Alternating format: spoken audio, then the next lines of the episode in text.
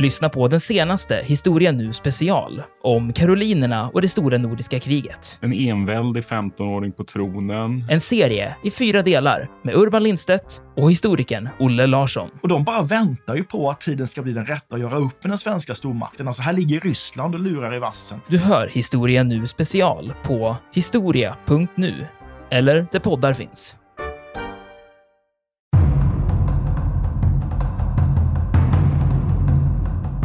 Man har den här inställningen från den japanska sidan att den som har kapitulerat har liksom förverkat sin rätt att leva.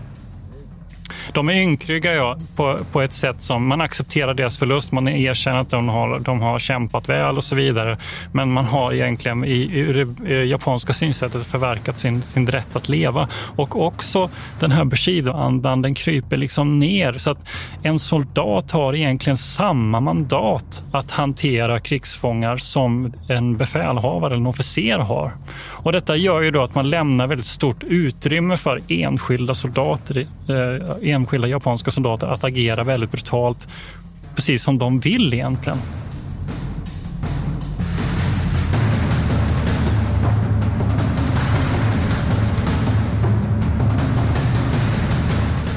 Militärhistoriepodden är podden om krig med människor och samhället i fokus.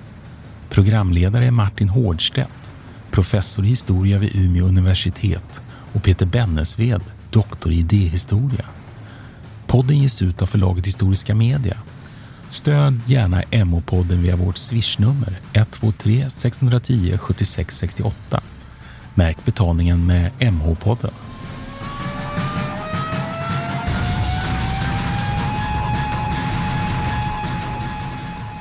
Välkommen till Militärhistoriepodden. Det här är Peter Bennesved.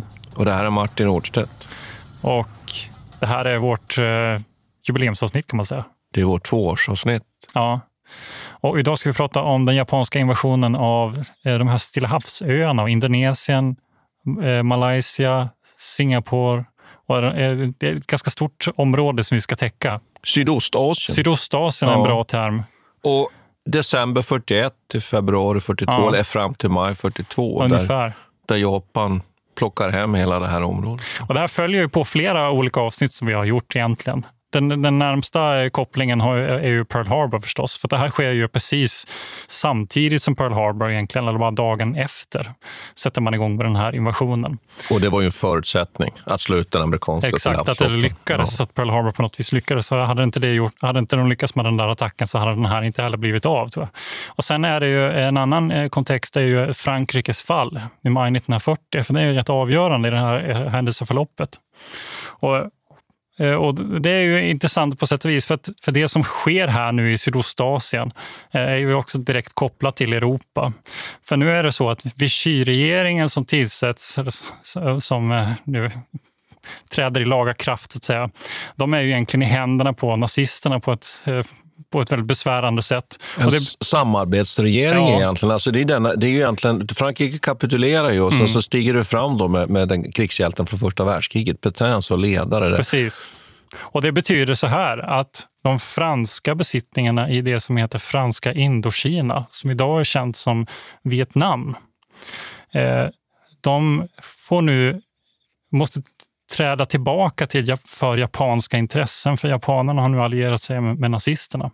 Så, så att det som händer här nu är att precis samtidigt som Pearl Harbor faller, eller en, en tid innan egentligen, så har japanerna då lyckats eh, landstiga i, eller tagit över vissa gränsområden och flygbaser i det som då heter Franska Indokina.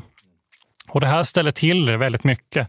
Och det har också koppling till det, det kinesiska fastlandet. För som ni, och ni som har lyssnat på Pearl Harbor-avsnittet känner ju säkert, och rysk-japanska kriget, eh, känner ju till eh, förstås att Japan har väldigt stora intressen i det japanska fastlandet här. Men man kämpar ju då samtidigt med Chiang Kai-shek och den här nationalistiska kinesiska motståndsrörelsen som får stöd av de demokratiska eh, eh statsmakterna i Europa, Frankrike och eh, Storbritannien. Och det här stödet kanaliseras ju in delvis via franska Indokina, men också via Burma. Så en, en del av den här expansionen som japanerna försöker eh, sig på i Sydostasien och Stillahavsregionen handlar ju rätt mycket om att försöka strypa det här stödet till fastlandskina och se till så att de demokratiska eh, staterna i Europa inte längre kan understödja dem. För det är väldigt kostsamt för japanerna att upprätthålla den här eh, ja, krigsmakten i Kina, för det är väldigt stort och de har ju begränsade resurser. Det är ett ganska litet land egentligen. De vill ju kunna lösgöra trupper därifrån. Jag tycker man kan ju också Precis. nämna att det sker ju också någon form av ohelig allians där faktiskt, där kommunister och Chiang Kai-shek-nationalister samarbetar mot japanerna. Det kan ju vara intressant att veta här. Så det är väldigt många roller som kastas om. Vi var inne på Vichy-Frankrike och det kan kanske vara svårt att hålla rätt på det där. Sen kan man väl också säga att den här franska kolonin, Indochine, den består ju av det som idag också faktiskt är Kambodja och Laos för att vara lite exakt. Här. Men så, att, så att det kan vara bra återigen, som vi, vi beklagar att vi kan inte presentera en, en kartbild här, men, men, det kan vara viktigt att veta om det här. Att ja. man också har klart för sig att Vietnam, dagens Kambodja, Laos, men också att man vet ungefär var, var, var Thailand mm. och, och var Burma och de här områdena ligger. Vi kommer ju sen att prata om Malaysia också, Singapore, Borneo, mm. Java mm. och så vidare. Och det, den andra kontexten här som är viktig för japanerna det är förstås oljan då, som är kanske den mest avgörande krigsorsaken till att de egentligen kastas in i det här kriget. Men nu har eh, eh, Roosevelt tillsammans med Churchill eh, och den holländska exilregeringen bestämt sig för att de ska då strypa oljetillförseln till Japan. Och det betyder att man måste lösa den här, det här genom att helt enkelt ta eh, ta kontroll över de oljefyndigheter som finns i Sydostasien. Och det är huvudsakligen amerikanska och holländska eh, som finns där. Och de finns då i, i det som idag kallas Indonesien eller Batavia, som det kallas under den här perioden. Eh, men även i Filippinerna som då är styrt av amerikanerna sedan när är det sen? 1898 amerikansk-spanska kriget. Va? Precis, och att, eh, det är viktigt att Filippinerna är inte en koloni, men det är en form av protektorat. Och det finns någon form av autonomi egentligen för Filippinerna. Man samarbetar, man försöker bygga upp bland annat en filippinsk armé, vilket man inte hinner göra. Vi kommer väl till det snart. Men... Ja. Eh, jag, jag tänkte bara nämna att det finns ju andra fyndigheter här också. Gummi.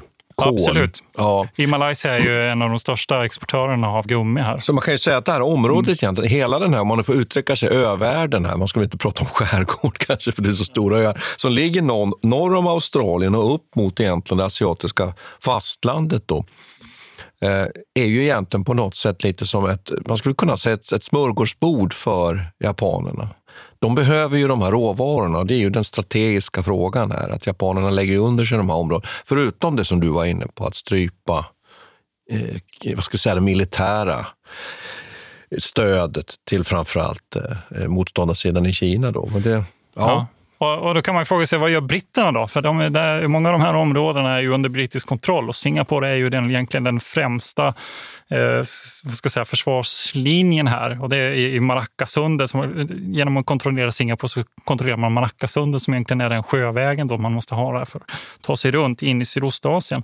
Men eftersom Frankrike faller så kan man inte längre lita på att den franska flottan kan agera i Medelhavet. Och det betyder att om britterna lämnar Medelhavet, då tar italienarna över.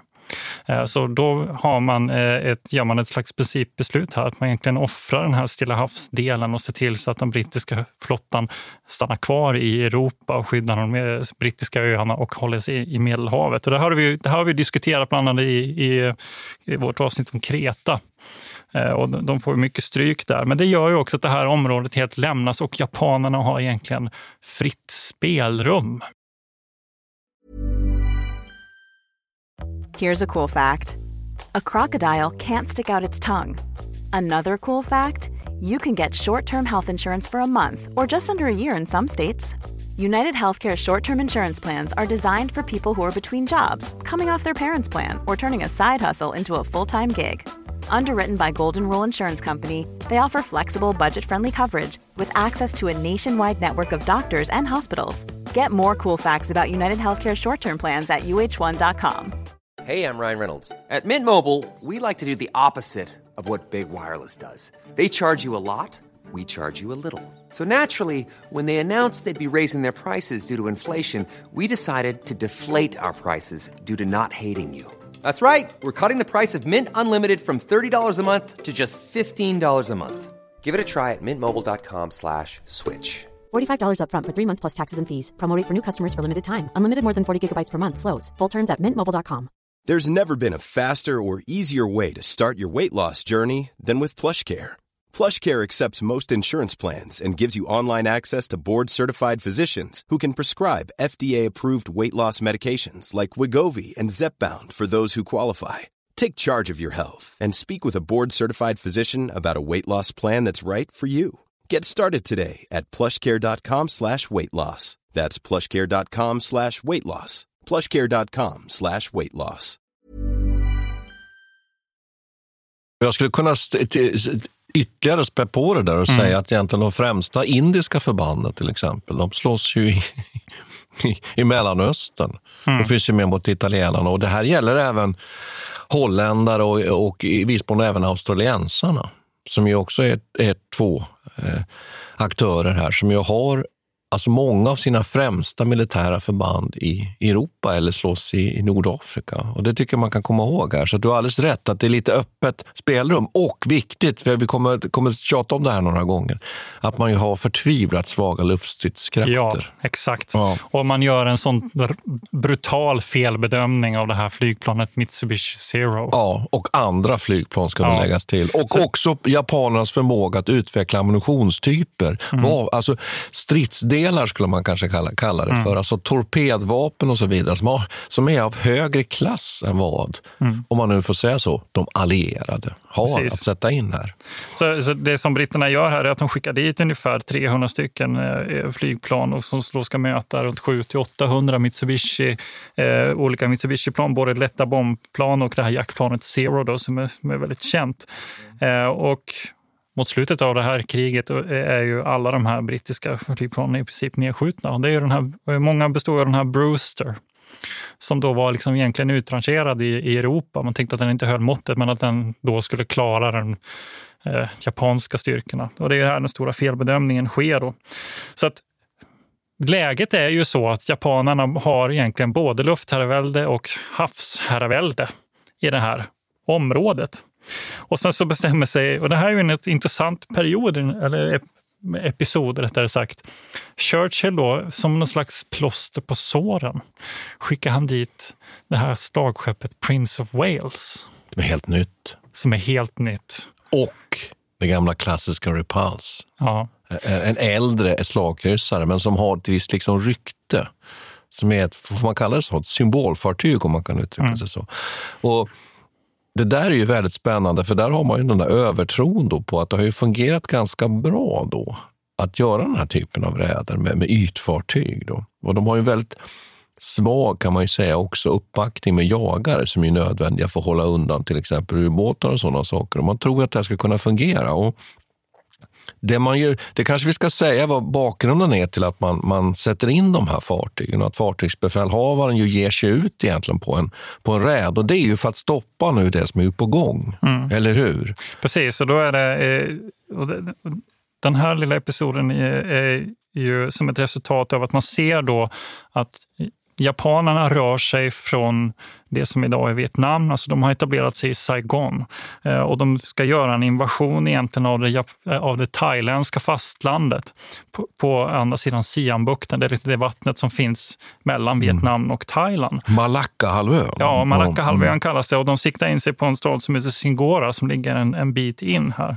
Nu, nu blir det här en promenadseger för japanerna för att eh, thailändska regeringen bestämmer sig för att de ska samarbeta med japanerna. Så det här går väldigt snabbt. Men då mm. försöker man förhindra detta genom att skicka ut. Jag ska också, du kan Landsti få, du, ja, landstigningen ja, försöker man förhindra. Du kan få dra det där, men jag ska bara lägga till, eh, jag ska bara lägga till att eh, man skickar ju faktiskt efter ett hangarfartyg också som befinner sig i mm. Västindien men, i, utanför Jamaica, men som mm. faktiskt strandar under en övning och kan inte ta sig dit. Så det är lite orättvist att han, det, var inte bara, det var inte bara Prince of Wales och Repulse, det var även ett hangarfartyg som skulle ge ett visst mm. luftunderstöd under den här operationen. Annars är det ju så att de hangarfartyg man har, britterna har, de behövs ju på ett helt annat håll i Atlanten, bland annat för att ha koll på Bismarcks eh, systerfartyg. Eh, men, men hur som helst, då ska man stoppa, det är ett försök att stoppa de, de här japanska kan man ju säga, uppbyggnaden inför det som vi kommer till som är ett av huvudnumren här egentligen i det här avsnittet. Sen det som kommer att utvecklas till slaget om Singapore, eller hur Peter? Och vi ska inte föregå det, va? men det är spännande då. Vi kan göra en lång historia kort. De här fartygen sänks ju av landbaserade faktiskt, japanska flygplan. Och Det är också lite tråkigt att de där eh, flygplatserna där har man ju en idé om att man faktiskt ska ta. Man har en idé om att man ska stöta från Singapore norrut till Malacca för att ta de här flygplatserna. Och det är ju det här så kallade Kranäset då, som ligger mitt på Malackaön där de här flygplatserna, de tar man inte. Japanerna kan utnyttja dem. Man öppnar liksom upp där. Eh, och de här fartygen går emot sitt öde och sänks ju inom loppet egentligen av två timmar. Och, det är, och när det här meddelandet sen så småningom då når eh, Churchill i Storbritannien, i London, så menar ju Churchill att detta är hans största chock under andra världskriget. Och det behöver vi kanske förklara. Varför är det på det sättet? Varför ja, är det den största chocken? jag, fattar, jag fattar inte riktigt varför han säger så. Å ena sidan det betyder ju det, det är ju eh, jag menar, den direkta konsekvensen som Churchill säkert förstod var ju att nu är ju hela det här området eh, utelämnat till japanerna egentligen. Och att det finns ingen som helst chans till eh, att de ska kunna eh, få eh, stöd från havet mot Singapore, eller till Singapore egentligen. Men jag tror att det är någonting annat också. Jag tror att det är så att här kommer plötsligt insikten att vi har inte resurser och kapacitet att försvara vårt, vårt äh, välde. Att japanerna är en formidabel motståndare. Det är någon form av symbolik i det här också. Att... Men, ja, men, jag, fattar, men jag, jag fattar inte det. För under Arcadia-konferensen den 22 december, där mm. bestämmer man ju sig för att man helt enkelt ska skippa Ja, I och för sig, mm. det här hände ju före, va? det är jo. oktober. Ja. ja. Mm. Men då bestämmer man, i Arkadiekonferensen bestämmer man sig för att man ska lämna egentligen japanerna därhän. Ja, det här är 10 december sänks, sänks de här fartygen. Okej, okay, ja, men då ja. är det ju bara det är två veckor innan. Ja, och, och det, nej, men att jag, jag tror att det ligger mycket i symboliken. Och att det också slås upp kommer som en chock också till opinionen i Storbritannien. Och att det här med flottan eh, kommer så nära, det kryper nära britterna på något sätt. Att att inte ens våra bästa fartyg kan stå emot den här fienden. Och sen som du säkert, eh, som du redan har påpekat här, att, att här öppnas ju upp för den japanska aggressionen och att man inser att man har ingenting till havs. Och man inser också en sak till, tror jag, och det tror jag också han kanske någonstans inser, att ytfartygen är väldigt sårbara för luftanfall. Precis, och det är de här torpedflygplanen ja. som sänker dem. Ja, och att, att britterna inser att vi inte rustade för den typen Nej. av krigföring. För det var ju faktiskt amerikanerna på ett annat sätt mm. ändå. Så jag tror att det är dubbla, men det är lite intressant bara det där med chocker. Sen kan man väl säga så här, han kommer ju anledning att bli lite chockad lite längre fram här också. Vi kommer väl snart till det, eller vad säger du Peter? Ja, men, och det som, eh, vad ska man säga, ja, det är ju runt 50 plan som attackerar Prince of Wales och Repulse. Så man förstår ju här vilket liksom styrkeförhållande som råder. Ja. Um, så, och det, det understryker väl också den här vikten av att ha, ha, ha luft, uh, luftstyrka. Ja. Så det, det, vi ska prata om nu, ja. det här första steget här, det är ju det här oerhört dramatiska slaget om, om Singapore, eller hur? Va? Ja, och det, precis. Och det, det du fiskar efter, det är ju ja. att, att, det som händer nu, och det är ju en intressant eh, episod då, att eh, när man tar kontroll över den här, eh, över Thailand egentligen så har ju japanerna möjligheten att svepa söderut Exakt. och ta, mm. ta Singapore. Och det här är ju ett enormt misslyckande för den brittiska krigsplaneringen, att man inte har förstått. Man har hela tiden tänkt så här att så länge som fransmännen har kontroll mm. över franska Indokina så behöver vi inte vara oroliga för en landinvasion. Och man tänker sig också att den här miljön är så pass oländig. Det är bara mm. djungel eh, blandat med egentligen gummiplantage och några centrala liksom vägar då som går genom söderöver. Så man helt enkelt tänker sig att här finns ingen risk för någon japansk invasion. Man har lämnat det här området. Och det är ju också en, en intressant eh, episod med, med, med Churchill han säger ju det här att han, kunde inte, han, han tycker det är ett misslyckande att han inte frågade hur landförsvaret såg ut i Singapore.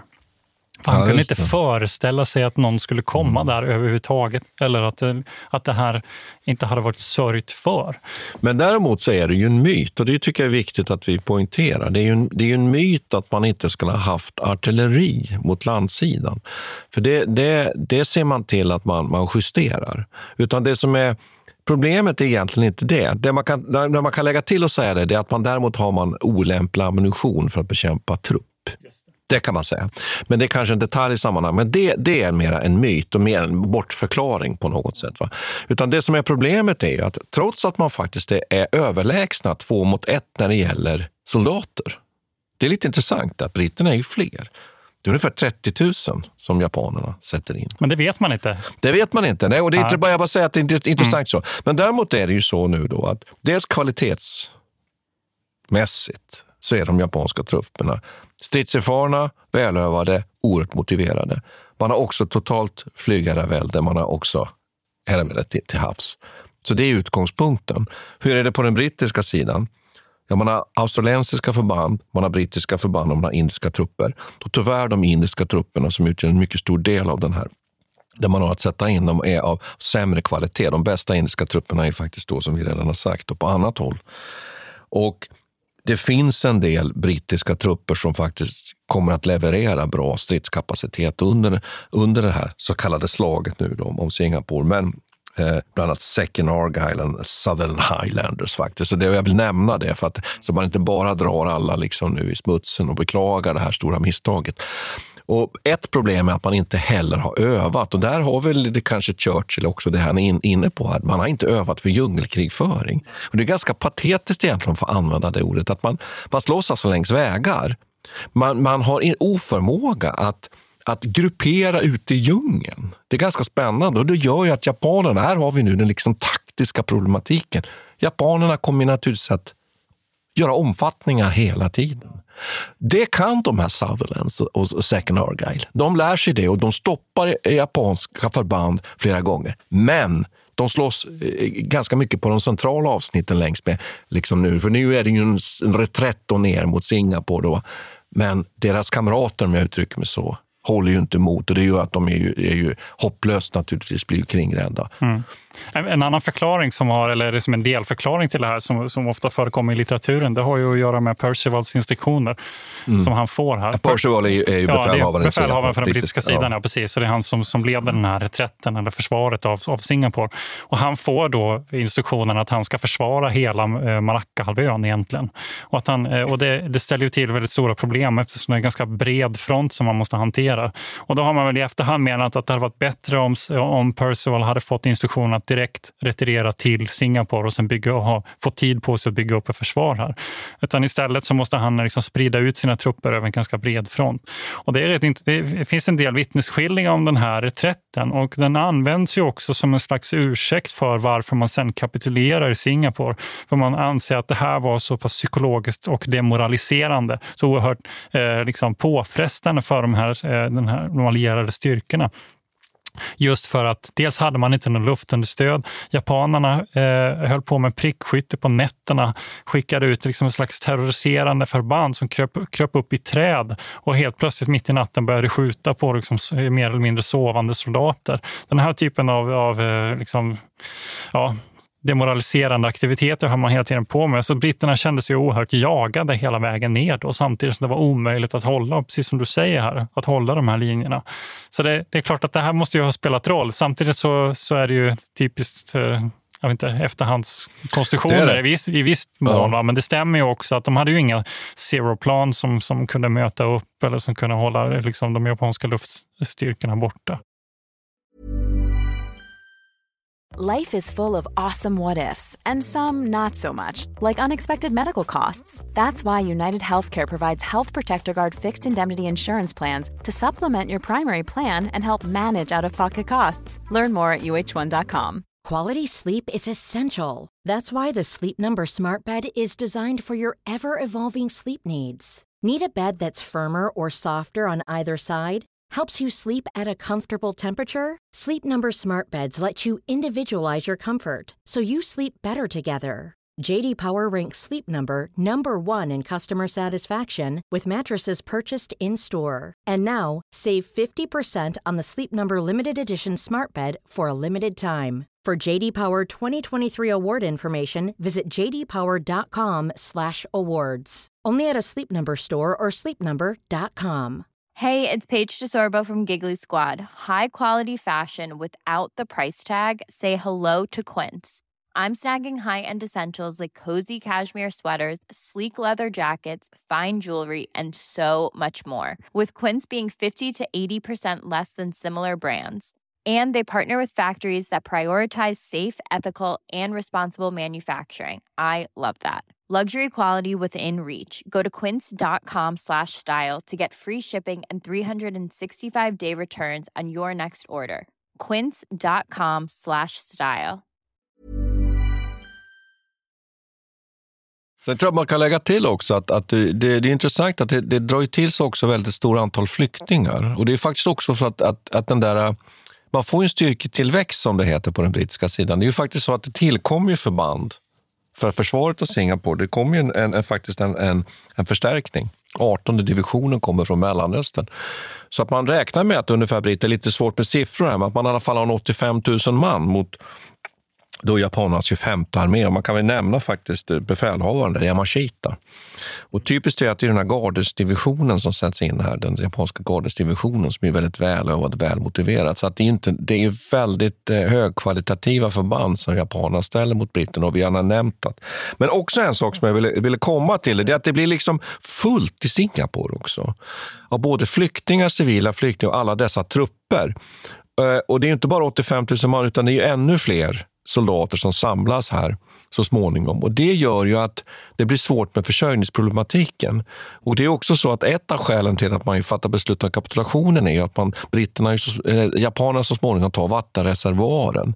Och då menar man då här att den här after Pershel, då, Pershel han, han ställs liksom inför en sån här humanitär katastrof. Att det är också det som pockar på det här kapitulationsbeslutet.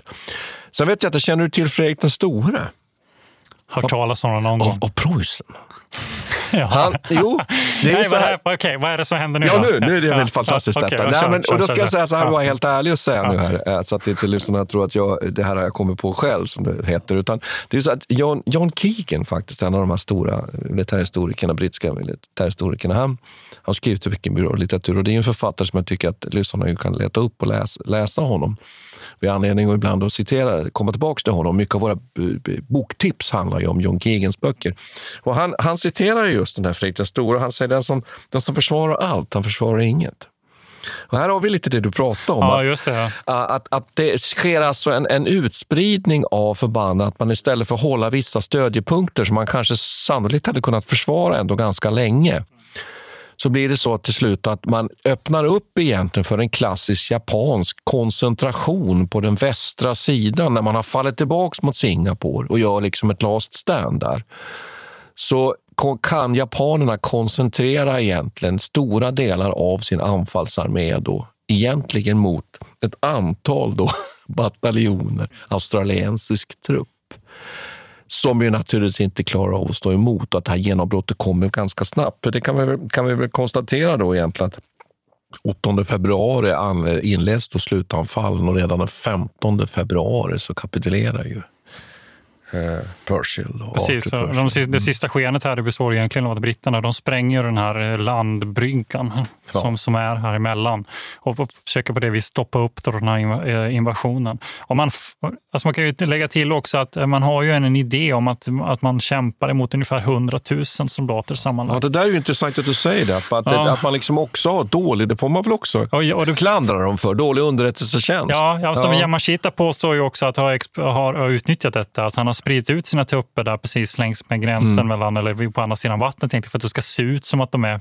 som fler än de är. Ja. Och sen så påstår man ju också att, de, att just, eh, på tal om det här med underrättelse, att japanerna var väldigt skickliga på att manipulera eh, och skaffa sig spioner på den brittiska sidan som hjälpte mm. dem med eld, elddirigering egentligen på, i Singapore till så att de hade liksom kartor och eh, information om var de brittiska, australiensiska och indiska soldaterna befann sig.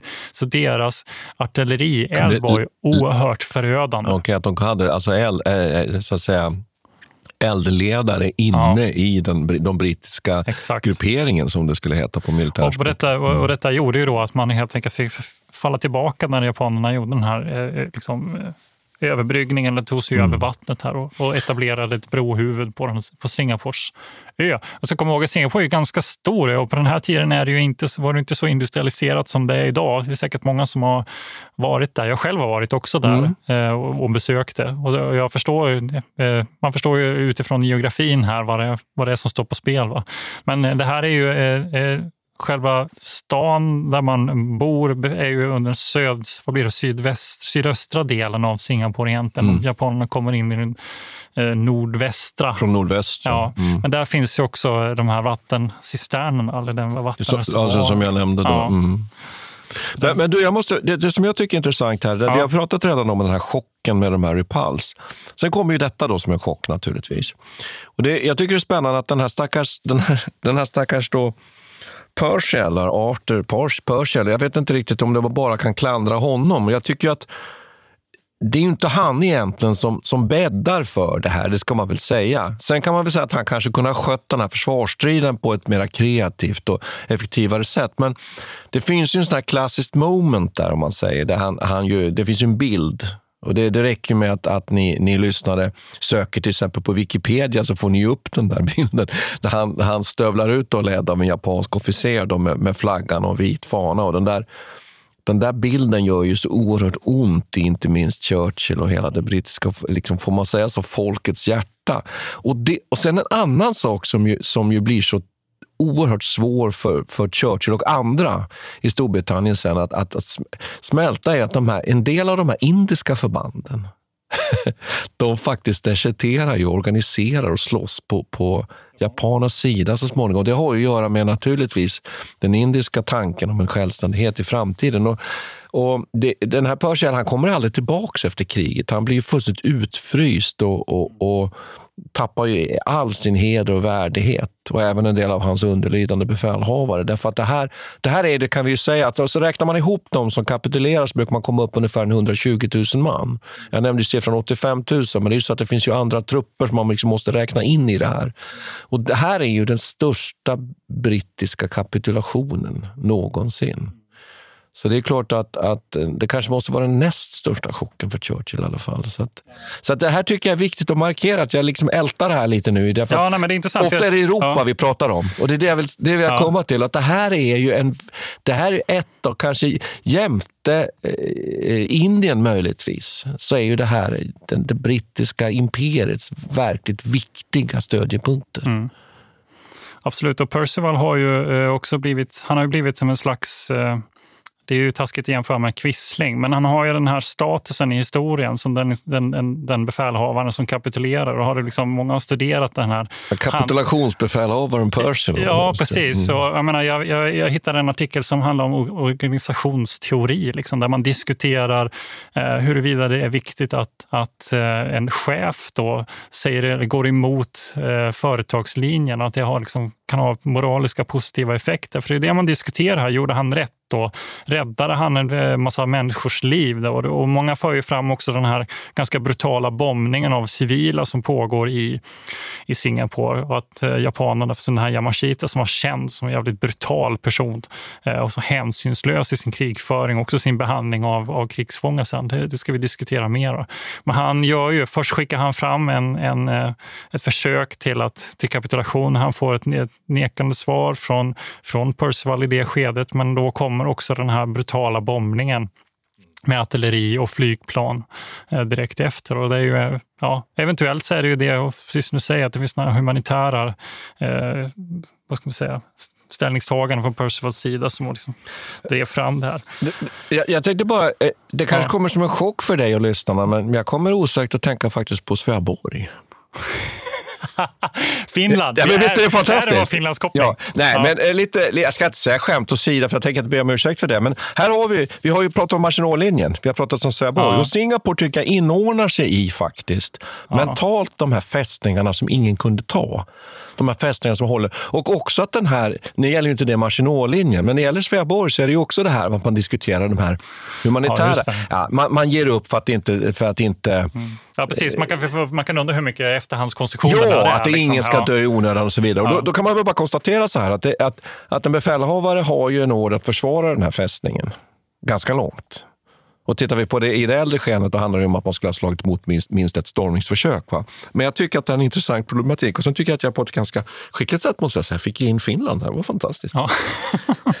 men, men, men- men det här är, det, vi ska vi, ska vi liksom summera och konstatera nu här att Nej, men jag, jag, med, med, Ja, med. Singapores eh, kapitulation så, så är väl det, ska man säga att det, det är inte sista spiken i kistan, men man måste väl säga att, att här, här skapas ju nu en situation där de allierade har egentligen oerhört små, små möjligheter nu att, att, att eh, värja sig. Ja, precis. Och det, en reaktion här eh, är ju, som har påbörjat redan efter är att Mm. man bildar det här ABDA-kommandot. Ja, ABDA, Ja, som består egentligen, det är ju Australien, American, British, Dutch, Australian. Ja, Exakt. Ja. Alltså man försöker då mota liksom den fortsatta expansionen egentligen genom, att, eh, genom en slags motanfall från, från havet. Man samlar ihop de styrkorna som finns i de här områdena och försöker så mota det. Men det misslyckas eh, utanför Javasjön. Där.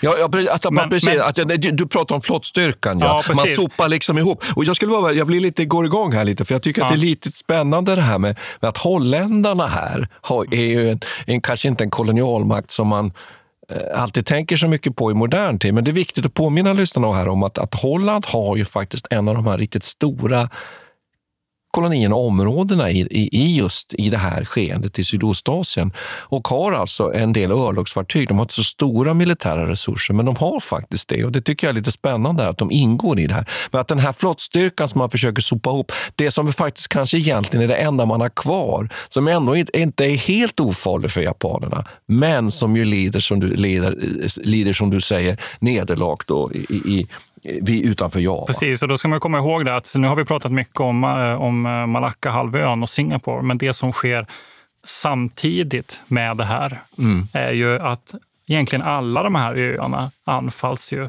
eh, inom hundra dagar. Och då, Ja. eh, och då är det liksom, ja, även i Kina, här, vi kan, säga, kan lista här, då, Bangkok och Singapore i Thailand, vi har Hongkong i Kina, Filippinerna, Borneo, Guamöarna, Wake och Gilbertöarna. Mm. Och det här, eh, och sen har de ju sen tidigare de här Marianaöarna, tror jag, som de har faktiskt fått Ja. av Tyskland. Ja, som också ger dem ju luft, luftmöjligheter om man uttrycker sig så med flygplatser. Det är ju liksom väldigt viktigt att komma Så ihåg. det är ju liksom hela det här området i princip samtidigt. Därför- Hongkong, Ja, ja, till exempel. Sumatra nämnde du det, också ett sånt område som Ja, har vi tidigt. också. Ja. så, att det, är, ju- så att det, det är ju alla de här... Och konsekvensen för Australien till exempel, det blir att de också blir isolerade. Eh, deras kontakter med dels amerikanerna och dels med britterna via Singapore försvinner ju med att alla de här områdena egentligen tar, att japanerna tar kontroll över. Så det är därför de också lyckas samla sig och eh, försöka göra den här offensiven mot Javasjön. Men som, ja, det är ju synd om dem på sätt och vis.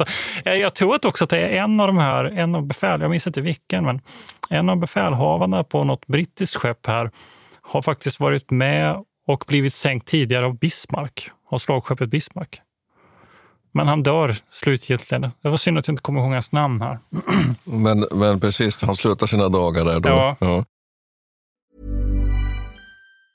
Mom deserves the best, and there's no better place to shop for Mother's Day than Whole Foods Market. They're your destination for unbeatable savings, from premium gifts to show-stopping flowers and irresistible desserts. Start by saving 33% with Prime on all body care and candles. Then get a 15-stem bunch of tulips for just $9.99 each with Prime. Round out Mom's menu with festive rosé, irresistible berry chantilly cake, and more special treats. Come celebrate Mother's Day at Whole Foods Market.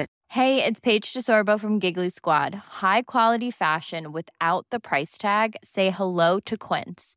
I'm snagging high-end essentials like cozy cashmere sweaters, sleek leather jackets, fine jewelry, and so much more. With Quince being 50 to 80% less than similar brands. And they partner with factories that prioritize safe, ethical, and responsible manufacturing. I love that. Luxury quality within reach. Go to quince.com slash style to get free shipping and 365 day returns on your next order. Quince.com slash style. When you need mealtime inspiration, it's worth shopping Kroger, where you'll find over 30,000 mouthwatering choices that excite your inner foodie. And no matter what tasty choice you make, you'll enjoy our everyday low prices, plus extra ways to save, like digital coupons worth over $600 each week. You can also save up to $1 off per gallon at the pump with fuel points. More savings and more inspiring flavors make shopping Kroger worth it every time. Kroger, fresh for everyone. Fuel restrictions apply. Jag tror att man, sk man skulle kunna säga så här att, att, vi har ju två huvudnummer här. Den ena är det här slaget om Singapore som jag har pratat om och sen så sveper vi lite över här och säger då att liksom de här områdena tas så småningom eh, successivt. Jag tycker man kan ju nämna också att Timor så småningom plockas ju även i Japan och man kommer ju oerhört nära egentligen det australiensiska fastlandet. Australien är inte så väl rustat, det kan vi ju nämna här. Då. Men, men en, nästa stora egentligen huvudnummer, ju ofta som man lyfter fram då i den här i det här svepet då, i den, eh, fram till våren 42, det är ju Filippinerna och, och, och operationen där amerikanerna eh, ju lider nederlag. Och där kan man väl nämna, tycker jag, om vi ska vi gå in på det lite, den här ja, Douglas men... MacArthur tycker jag är intressant. Det är en figur som vi kan anledning att komma tillbaka till, exempel med Koreakriget på 50-talet och sådär. Han, han är ju en befälhavare som får den här uh, ganska otacksamma uppgiften att försvara Filippinerna med väldigt få trupper trupper egentligen till sitt förfogande. Man har inte lyckats få igång, som jag nämnde, den här filippinska armén. Och man, man har 16 000 man, men det är, det är två, ungefär två regementen som egentligen är organiserade. Och eh, här landstiger ju då så småningom då eh, japanerna med från då, eh, eh, Formosa faktiskt hoppar över till Filippinerna med, med en väldigt välutbildad 14 armé. Då. Formosa är det som vi annars känner som Taiwan. Taiwan, mm. precis. Och man kan ju bara nämna vad man har här. Man har tredje flottan, andra flottan, man har elfte luftflottan, man har femte luftdivisionen. Alltså det, det är ganska stora enheter som japanerna har att understödja det här med också. Och jag tycker att en sak som, som man också kan nämna, som vi faktiskt glömde ta upp när det gäller Singapore, också, det är att japanerna faktiskt har, har stridsvagnar. Det är också viktigt att komma, komma ihåg att eh, japanerna också har eh, pansar till viss del eh, som, som finns med och som naturligtvis minskade ännu mer britternas eh, möjlighet att försvara sig vid Singapore. Men för att göra liksom en lång historia lite kort, kort, kortare här då, så är det ju så att man koncentrerar sig till Manila. Försvaret koncentrerar sig till Manila, amerikanerna koncentrerar sig till Manila. där inringas man ganska snart enormt svåra förhållanden inne i Manila Eh, matbrist. Man är nere när, när MacArthur så småningom faktiskt på, på Roosevelts direkta order lämnar för att inte bli tillfångatagen. Så är man nere på en tredjedels dagsransoner. Och sen kapitulerar Manila. Sen håller då en, en, en, en, en kan man säga då, en fästningsö ut något längre. Eh, och sen händer ju det här som är så tragiskt och som man har ju diskuterat så väldigt mycket i efterhand, nämligen att de här omkring 80 000 då, soldaterna, som både är amerikaner men också filippiner och andra, en del australiensare, tvingas ut liksom på en dödsmarsch. De ska förflyttas till fångläger och där räknar man ju sen med då sammanlagt att ungefär 25 000 av de här dör. Och det här, det här togs ju upp otroligt eh, grundligt sen i de här Manila-rättegångarna efter kriget. Och bland annat den här befälhavaren, hörde du, Homma, japanska befälhavaren som ju, som ju var en skicklig militär och som ju av många eh, utpekas som faktiskt inte alls någon brutal befälhavare, japansk militär pekas ut av amerikanerna i efterhand som ansvar för det här. Och det här ska inte, kan inte vi döma här, men det här finns det ju en diskussion. Ja, och den andra sidan det bygger väl helt enkelt på att man anser att han egentligen inte hade något annat val, va? för det fanns inga andra resurser. Nej, en... och att det var hans underbefälhavare. Och det kan man ja. ju tycka att det är en dåligt. Han bör ju som högsta chef ha koll på vad som händer. Men, men att han ju åtminstone inte skulle ha gett den direkta orden, ja. eller aktivt ha velat att de här soldaterna medvetet dog. För de utsattes för oerhört mycket brutalitet under den här marschen. Ska sägas också. Ja. Ja, och, det, och det som är eh, väldigt intressant, och det här har också att göra med, med eh, Singapore, för att många av dem som hamnar i krigsfångenskap i Singapore blir också utsatta för väldigt brutala former. Och det har man ju diskuterat här nu. Varför är japanerna utmärker de sig så väldigt mycket i det här att de är extremt brutala? Det är faktiskt så att eh, till skillnad från eh, krigsfångar i Europa, där är det eh, betydligt mindre. Jag, jag läste en siffra på 4% kontra japanernas 27% som dör. Alltså. Men vad menar du nu? Jag skulle att, vilja hävda att tyskarna är oerhört brutala mot ja, men det, det, Jag vet inte, den här källan som jag läste menar att japanerna är betydligt värre än Men då måste än vad du mena att, var. att de så att säga skjuter eller jo, slår ihjäl på exakt. plats? Och då är frågan, varför gör de det? Jo, Mm. för det första är det så här att de skriver ju aldrig på, eller jag tror att de, de eh, är väl Mm. med i diskussionerna runt Genèvekonventionen, va? men de skriver aldrig på det här. Och sen har man ju då, och, och ni som har lyssnat på oss förut, så har den här Bushido-andan. Så. Yamashita till exempel, som befinner sig i Singapore, som överbefälhavare för, i, i Singapore, då, han menar ju att de här brittiska soldaterna som nu eh, är de allierade soldaterna som befinner sig där, de borde ha dött. Och man, har Ah. den, man har den här inställningen från den japanska sidan att den som har kapitulerat har liksom förverkat sin rätt att leva. Ja, men ynkryggar. De är ynkrygga ja, Mm. på, på ett sätt som man accepterar deras förlust, man erkänner att de har, de har kämpat väl och så vidare. Men man har egentligen i, i det eh, japanska synsättet förverkat sin, sin rätt att leva. Och också den här Bushido-andan, den kryper liksom ner. Så att en soldat har egentligen samma mandat att hantera krigsfångar som en befälhavare, en officer har. Och detta gör ju då att man lämnar väldigt stort utrymme för enskilda soldater, Mm. enskilda japanska soldater att agera väldigt brutalt precis som de vill egentligen. Och här är ju en av de här konflikterna då. För med en europeisk liksom, militär tradition så kan man ju skjuta ansvaret uppåt på ett helt annat sätt här när man diskuterar det. Jag tror att vi ska komma tillbaka till de här sakerna, för det är ju intressant. Vi Ja. har ju anledning att vi kan prata om både krigsfångar är ju egentligen ett ganska intressant tema överhuvudtaget. Vi har ju varit inne på krigets lagar och såna, sånt. Ja. Men det kan ju finnas anledning att ta ett helhetsgrepp på det här så småningom. Ja, för det, här, det här är spännande. Men det man menar är ju då att after, after Do- Douglas MacArthur, han, att han på något sätt tvingar fram den här rättegången mot den här Homa och han avrättas ju sen så småningom i april 1946 och att det skulle ha varit mycket handlat om en hämnd därför att han kände sig själv förnedrad. Eh, och det, det är ju klassiskt det här med, med MacArthur, I'll be back. Och, och när han lämnar Filippinerna, I'll be back, jag kommer tillbaka. Och det gjorde han ju sen så småningom. Eh, eh, men jag tycker att om man summerar hela, hela det här skeendet nu, så Japan sveper ju, japanska stridskrafter sveper ju ner över de här områdena och man vinner stora, eh, stora för Japan helt avgörande naturtillgångar som du var inne på i början. Och det är väl det viktiga. Då kan man ju ställa sig frågan, vad är den avgörande militära faktorn här? Både operativt, eh, strategiskt kanske vi kan lämna, lämna därhän, det har vi varit ganska mycket inne på. Men vad är det som gör att man kan, kan vinna de här områdena så oerhört lätt? Vad är det operativa? Och Vad är det så att säga, taktiska? Vi har varit inne på några sådana saker här. Vad, vad skulle du säga egentligen är det helt avgörande här? Det kan vi Ja, vara men eniga det utifrån var vi det- inne på. Mm. Men att utifrån det som, som, som jag har kunnat läsa mig till så handlar det i väldigt stor utsträckning om luftherravälde. Ja, och det att man har Att totalt luftherravälde, japanerna har det. Och att man då eh, redan innan det här utbrottet egentligen har lyckats etablera ett antal baser liksom på land också. Och sen har man då understöd de här hangarfartygen i viss mån också. Men man har redan Mm. i, på centrala positioner har man liksom flygbaser som man kan operera ifrån.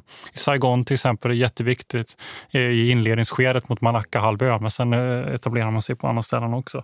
Sen är det ju så här, sen kan man ju fråga sig att eh, de eh, ursprungliga krigsmålen för Japan var ju egentligen bara att ta Singapore, kontrollera franska Indokina och se till att man kontrollerar de här oljefälten så att man löser den, den, den mest akuta det, det är ju liksom den resurs- strategiska, där Ja. det politi, det, politiken blir militär. Precis. Men, Men med militära, politik med militära medel om jag säger så. Ja. Ja. Mm. Men sen fortsätter de ju. Mm. De ser ju det här som en slags Mm. promenadseger. Och här börjar ju då, det är ju på, ett sätt, på ett sätt är det ju början till slutet för dem också. Att de, Mm. inte, att de tänker sig att eh, med någon slags segerviss eh, idé bara sveper igenom hela Sydostasien trots att det egentligen var bortom deras direkta krigsmål. Man tänker att det där är så lätt, vi kör bara. Ja, men jag skulle vilja komma tillbaka till den där liksom Mm. mellannivå. Man brukar, brukar prata om den där strate- strategin som jag nämnde, då, liksom politik och militära me- medel går ihop. Det är ju liksom att vinna kriget. Va? Så kommer vi ner på operationer, då var vi inne på luftherraväldet. Men jag tror ju också det att man, att man har självklart eh, överlägsenhet på vattnet också, på ytan. Att man kan flytta och landstiga helt enkelt, självklart. Men sen tror jag också, den lägsta nivån, taktiskt så att säga, där på slagfältet om man uttrycker sig lite enkelt, att där, där tror jag också att man stridstekniskt är över, överlägset. Vi nämnde nu att man hade stridsvagnar, men också detta att man klarar ju djungelkrigföringen. Och det är det här sen som amerikanerna framförallt lär sig, men även britterna lär sig. Vi, vi, eh, och det är därför man sen så kan bemästra eh, Japan, japanerna. Men, men man kommer inte att kunna slå japanerna förrän man lär sig strida ute i djungeln. Och det, det tycker jag är väldigt viktig erfarenhet. Och sen tror jag också att man kan ju nämna det att som vi varit inne på redan, att man har inte riktigt den, de, de bästa trupperna. En sak som vi, vi skulle kunna kommentera också, det är ju så att det finns ju en annan front här som är spännande och det är ju Burma. Där ju britterna trycks tillbaks eh, eh, ganska omgående. Man, det är efter Singapore, tror jag. Ja, trycks tillbaka. Så man gör en, har, håller emot och försöker hålla emot, men man kommer så småningom att trängas tillbaks ganska omgående tillbaka till indiskt eh, territorium. Eh, och de trupp, många av de här truppförbanden som är med i de här första striderna nu, här 41-42 mot japanerna, de försvinner ju nästan, liksom, upplöses. Så, så att det, är, det är nya förband i stor utsträckning sen som, som återtar de här områdena när vi kommer längre fram i, i vår, vår liksom berättelse om andra världskriget. Men eh, jag tycker man kan också faktiskt nämna att, att japanerna gör ju en del attacker, genomför en del räder mot Ceylon. Och faktiskt också eh, japanska ubåtar visas utanför Madagaskar så att britterna till och med väljer att, att besätta Madagaskar. Och det här tycker jag säger någonting om att nu, det här, hur det här hotet såg ut. Eh, och att Australien ju känner sig påtagligt hotat naturligtvis, men att också hela den här indiska kronkolonin kändes ju påtagligt hotat av den Ja, här australienarna japanska vänder väl sig också delvis mot amerikanerna efter det här. De inser väl att de, de inte kommer att kunna få någon hjälp av britterna och, blir, eh, och samarbetar i större utsträckning med amerikanska eh, militärer här efter. Men du, vet du vad? Jag tycker vi kan, eh, vi kan väl dra streck där. Men nu är det... Det är faktiskt dags? vårat, vårat eh, tvåårs, Jubileum, ja. tvåårsjubileum. Vi har Ja. förberett en liten grej för er Ja, vi, har ju, vi har ju som en liten tradition här faktiskt. Ja. Att vi alltid måste... Vi måste alltid fira det här lite på något sätt. Eller vad säger du Peter? Ja, absolut. Och, och, Får passa på att tacka. Vi, vi, ni är duktiga på att höra av er och det är roligt att få så mycket positiv respons från alla lyssnare. Eh, Och vi tycker att det här är oerhört roligt och, eh, att hålla på med. Och det är väl delvis tack vare er. men vad säger du Peter? Ja, klart bakåt. Ja, skott kommer! Ah, där gick den! Härligt Peter! ja, ska vi se här. Och med de eh, orden... Och med de orden, kära lyssnare, så hoppas Ja. jag att ni också kanske hittar någonting som smakar gott där hemma. Ja. Eh, skål och på återhörande, hörni. Ja. Tack ska vi ha allihopa. Tack ska vi ha. vi ha. Vi tackar Peter Bennesved och Martin Hårdstedt. Kontakta gärna Militärhistoriepodden via mail på militarhistoriepodden historia.nu. Peter och Martin vill gärna få in synpunkter och förslag till programidéer.